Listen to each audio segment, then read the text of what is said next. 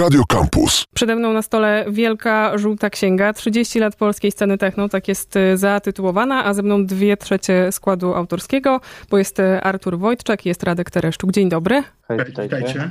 Y, Pytanie, które często pojawia się w stronę waszych gości kierowane, a są nimi i DJ-e, i producenci, i klubowicze, i klubowiczki, i dziennikarze, i dziennikarki muzyczne, brzmi jak to się zaczęło. Nie chcę zadawać wam tego pytania o wasze prywatne historie i początki przygody z techno, ale chciałabym usłyszeć y, od was, co was dzisiaj łączy z tym gatunkiem albo w ogóle z muzyką. Czyli drugi koniec kija. A może krótko, muzyka jest e, może nie całym moim życiem, bo jest też tam miejsce na rodzinę, ale no, myślę, że co dwie sekundy gdzieś tam coś mi w duszy gra. No, na co dzień też jestem, czy też na co noc jestem producentem e, muzycznym. Artur? Nie, ta przygoda zaczęła się bardzo wcześnie i gdyby chcia, ktoś chciał poznać y, jakby całą historię, która stoi za, y, za moim życiem w takim klubowym under, undergroundzie, to, to polecam właśnie mój rozdział z książki, który nazywa się Żyjąc dla Undergroundu. I tam opisuję całą taką jakby historię od samego początku, kiedy y, muzyka acid house'owa wdarła się w moje życie i, i, i nim zawładnęła, aż po dzisiejsze czasy, kiedy Zajmuję się muzyką głównie y, pisząc o niej, słuchając, y, promując y, artystów z Polski, z zagranicy. Po, poleciłbym właśnie ten rozdział. W każdym razie trwa to już bardzo długo i praktycznie tyle, ile, ile tutaj dziesięcioleci opisujemy w książce. To przejdziemy pewnie zaraz do rozdziałów i tego spod czyich rąk, piór i klawiatur one wyszły, ale mm, spotykamy się dzisiaj, to znaczy zaglądamy wam trochę do domów. O tak, bo nie spotykamy się fizycznie w studiu na Bedenarskiej, tylko łączymy zdalnie. Czy gdzieś jeszcze y, w pomieszczeniach, które się za wami znajdują, albo nieco dalej, a być może w piwnicach i na strychach, znajdują się jakieś archiwalne numery magazynu Plastik? No ja swoje oddałem 15 lat temu. Bez żalu? Wtedy bez żalu, teraz, teraz w sumie nie wiem, nie zastanawiałem się nad tym. A nie przydałyby się do pracy nad książką? No, myślę, że nie, ponieważ ja i tak się bardzo ograniczałem w tym, co pisałem. Jak gdyby wystarczająco dużo pamiętałem. Ja się bardzo mocno ograniczyłem, więc e, no, nie było potrzeby więcej, e, więcej wiedzieć. No, Ja, natomiast, ja natomiast rzeczywiście posiadam, jestem kolekcjonerem, więc posiadam mas, masę płyt, e, starych kaset i oczywiście magazynów muzycznych. I to jest też bardzo ciekawe, bo posiadam zarówno stare, stare egzemplarze magazynu Plastik, Machina, Kaktus, czy też e, Technoparty, jak również sporo zagranicznych gazet, które wówczas kształtowały moją świadomość muzyczną i wiedzę. I zwiąże się z tym też kilka naprawdę fajnych historii, bo na przykład e, mój absolutnie ulubiony, ikoniczny, e, legendarny magazyn Mixmag z Wielkiej Brytanii, który kupowałem za kieszonkowe chyba na początku liceum, zdobywając go gdzieś w Empiku, było go zawsze bardzo mało i, i dzięki niemu jakby uczyłem się bardzo wiele o, ty, o tym, co się dzieje. Czytałem reportaże z klubów angielskich, yy, czytałem o kawałkach, które wówczas się pojawiały, bo Anglia była zawsze oczywiście wiodąca, jeśli chodzi o rynek kultury tanecznej. To, to ma to taką fajną klamrę, że w, kilkanaście lat później od momentu mojego zaczęcia się mojej fascynacji tą, tą kulturą czytania właśnie Mixmaga, udało mi się być pierwszym Polakiem, który napisał y, artykuł do, do Mixmaga y, brytyjskiego. Zresztą udało mi się to już kilkakrotnie i zostałem po, po tych kilku latach takich im- ich nieoficjalnym korespondentem na, na Polskę. W waszej książce dużo jest takich śladów różnych pierwszych razów i wszystkich rodzajów e, początków, a wspomniałam o tym plastiku, bo to jest tytuł, którego ja nie miałam nigdy osobiście w ręku, a jeden z takich smaczków, chyba już można użyć tego słowa retro, które po prostu przebijają z tej 30-letniej e, historii techno. Coś jeszcze podrzucicie? Jakieś takie miejsca w sieci, czy magazyny, tytuły, które pozwalały wam zgłębiać wiedzę, ale też może jakoś sieciować się z innymi miłośnikami tego gatunku? No jeśli chodzi o sieć, no to PLRC Muzyka Techno, pierwsza grupa e, newsowa, już myślę w 96 spokojnie ona działała. e, Natomiast przed plastikiem jeszcze było takie pismo Zero e, z Krakowa. Zero, dodatkowo jeszcze poznański kaktus był świetny, a z takich mediów internetowych y, bardzo znane forum tutaj warszawskie clubbingbaw.pl, to jest zresztą ja i kilka osób wspominamy, ponieważ było to takie, w czasach kiedy nie istniał Facebook, to, to clubbingbaw.pl było takim, mm, takim punktem przecięcia się planów weekendowych ludzi, którzy uczęszczali wówczas do klubów i dyskutowali, dokąd pójść, z kim pójść, na jakiego DJ-a. Było to po prostu takie ówczesne wirtualne miejsce spotkań. Tak, potwierdzam, nawet e, forum WAF.pl zdobyło nagrodę jako najmodniejsze miejsce w mieście e, swego czasu. Swoją drogą, nie wiem Artur, czy wiesz, ja też tam byłem dosyć aktywny pod jednym z ników, Naj 9 to się wyjaśniło. Gdzieś tam się pewnie w sieci przecinaliście. Pojawiają się te y, liczne kluby, nie tylko warszawskie, ale to jest też y, historia sceny techno rozsiana po całej Polsce. Pewnie co niektórym czytelnikom czy słuchaczom łza się może w oku zakręcić na nazwę H2O albo na nazwę piekarnia, tudzież innych warszawskich miejsc. Miałam takie poczucie, y, czytając, że bardzo chciałoby się, zwłaszcza dla człowieka, który tam wcześniej nie bywał, trochę zobaczyć te miejsca. Czy mieliście jakąś taką rozkminę a propos wyboru medium. Czy ta forma książki zawsze była taką jedyną słuszną i adekwatną do tego, żeby te 30 lat y, opowiedzieć? Brakuje mi tam po prostu czasem dźwięków, zdjęć, jakichś takich dodatkowych y, smaczków, żeby pełniej wejść w ten świat, w którym nie uczestniczyłam ma zdaniami, no nam zależało na tym, żeby to była forma papierowa, żeby był to mm, jak gdyby pewne trwałe repozytorium mm, wiedzy w formie papierowej, więc taka forma była potrzebna. Oczywiście filmy też powstają, powstawały, ja wiem samo kilku. Jeśli chodzi o dźwięki, no to mamy SoundClouda, gdzie jest w tej chwili 29 setów, a będzie myślę jeszcze spokojnie 50, e, w tym również od DJ-ów, którzy w piekarni na przykład czy H2 grali, e, właśnie z archiwalnymi e, setami, znaczy z setami współczesnymi, ale z, archiwa- z tymi nagraniami właśnie z epoki. Jeśli chodzi o zdjęcia, planowaliśmy tych zdjęć bardzo dużo w książce, jednak ilość tekstów po skróceniu przytłoczyła i niestety no, nie udało się już wcisnąć tej wkładki e, kolorowej ze zdjęciami. Zdjęć mieliśmy o wiele więcej przygotowanych z bardzo wielu różnych archiwum, archiwów. E, no, zostało to troszeczkę niewykorzystane. Może kiedyś album ze zdjęciami w takim razie. To jest chyba też ten moment, kiedy warto powiedzieć, e, jak to się stało, że to te, a nie inne osoby pojawiają się w książce. Tak, temat e, bardzo dyskusyjny. E, chodziło w pierwszej kolejności o jak najpełniejsze pokazanie różnorodności zjawiska, a nie o stworzenie e, jakiegoś filamentu gwiazd, bo to jest bardzo zawsze dyskusyjna sprawa. Więc tak, gwiazdy się tam znalazły, ale czy to akurat jest 80, top 80 Polski? Na pewno nie. Wiele osób też odmówiło. W każdym bądź razie ideą było pokazanie różnych zjawisk, czyli jeżeli dana gwiazda już opisała, no to druga gwiazda to samo opisująca już no nie była potrzebna, tak? To taki był mniej więcej e, klucz. Raczej był problem, żeby zdefiniować, gdzie się kończy tematyka książki, bo gdzie jest środek ciężkości, to było w miarę jasne, ale gdzieś się obrzeża kończą, to już nie, nie, nie było takie oczywiste. Ale myślisz o obrzeżach e, czasowych czy bardziej gatunkowych? E, gatunkowych. E, ale wracając jeszcze do tego składu osobowości, e, to Radek mówił o gwiazdach, ale myślę też o tym, jak szerokie to jest e, spektrum, jak różne perspektywy się tam pojawiają, bo wszyscy wasi rozmówcy, czy też autorzy tekstów, którzy się na łamach książki pojawili, to są ludzie absolutnie w różny sposób związany z muzyką. I chciałabym usłyszeć opowieść, jaki to sposób. Miłość. To jest chyba bardzo właśnie ciekawe, jeśli chodzi o książkę, bo tam jest dobór tych postaci jest naprawdę bardzo, bardzo szeroki bo tak jak wcześniej wspominaliśmy, są to i mm, właściciele klubów.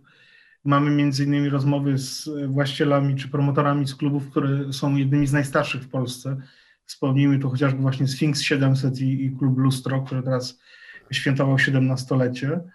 E, są też kluby, mm, które znalazły się trochę rzutem na taśmę, ale bardzo nam zależało, żeby stworzyć taką klamrę trochę czasową, czyli napisać trochę i zarówno o tych pierwszych miejscach, które kształtowały klubowiczów te, te trzy pokolenia wstecz, jak i y, zaznaczyć choć y, w jakiś tam nawet mały sposób y, te rzeczy, które pojawiły się teraz i kształtują tą współczesność, czyli mamy na przykład wywiady mm, z promotorami z klubu Jasna 1 i 999. Więc ten wachlarz jest bardzo szeroki. Oprócz tego mamy raverów, mamy dziennikarzy muzycznych, dziennikarzy radiowych, Mamy producentów, którzy opowiadają o swoich takich pierwszych, pierwszych razach, jakby o zetknięciu się z muzyką i produkowaniu jej, o miksowaniu. Naprawdę, wydaje mi się, że właśnie te takie personalne historie są absolutnie najmocniejszym y, elementem tej książki. Powodują to, że bardzo wiele osób wraca do nas właśnie z, czy z gratulacjami, czy podziękowaniami, że, że mają wręcz ciary, czytając te historie, przeżywając to na nowo. I to są zarówno osoby, które w tamtych czasach już imprezowały, jak również te, dla których to jest coś zupełnie nowego i coś bardzo y, inspirującego, ponieważ nie znały tego z tej strony. Jacek Sienkiewicz gra, Artur Wojtczak i Radek Tereszczuk z nami na linii, a przede mną leży wielka księga 30 lat polskiej sceny techno, lektura, y, którą moim zdaniem trzeba czytać przy stole, w sensie jest tak obszerna, że ciężko ją złapać sobie gdzieś, y, nie wiem, siedząc czy leżąc, tylko taki dodatkowy blat się przydaje, ale nie o tym. Chciałam was zapytać, czy w tej 30-letniej historii macie jakieś takie swoje ulubione okresy? Czy to z perspektywy rozwoju sceny w Polsce, czy tak zupełnie prywatnie, z powodów brzmieniowych może któryś czas jest waszym ulubionym? Dla mnie zdecydowanie lata 90., bo y, wydaje mi się, że y, wówczas rodziło się najwięcej y, gatunków muzyki tanecznej, które przetrwały do dzisiaj, bo właściwie wszystkie te, te, te znaczące albo się, albo się rodziły, albo wchodziły w taką najbardziej znaczącą fazę swojego rozwoju i popularności. To był też czas, kiedy Mm, ta muzyka taneczna trochę wypływała z undergroundu y, na listy przebojów, ale bardzo rzadko na szczęście y, było to y, kosztem jakości. Na przykład, nie wiem, wspomnę tutaj na przykład kawałek Let Me Be Your Fantasy, Baby D, który był takim bardzo znanym breakbeatowym kawałkiem w Anglii, który przez kilka lat krążył w podziemiu. I nagle singiel został wydany oficjalnie i zespół oglądając wydanie brytyjskiej listy przebojów zobaczył, że lądują od razu na, na pierwszym miejscu. I takich właśnie historii tanecznego undergroundu jest bardzo wiele. W Polsce może mniej, bo mm, u nas muzyka y, y, muzyka wydawana przez polskich producentów była zawsze ciut niszowa, zawsze było jej trudno prze, przebić się do radia. Y, co zresztą ma miejsce właściwie do dzisiaj. Ale i tak, że tak wejdę w słowo. Mhm. Byłam zaskoczona, że któryś y, z waszych rozmówców albo autorów wspomina o tym, że y, dźwięki takiej muzyki elektronicznej spotykał w jednej z największych dzisiaj stacji, zupełnie w 2020 roku niekojarzonej z tak alternatywną muzyką, a to się jednak w latach 90. wydarzało. Może to jest też dobry moment, żebyśmy powiedzieli, jak to właśnie wyglądało w eterze.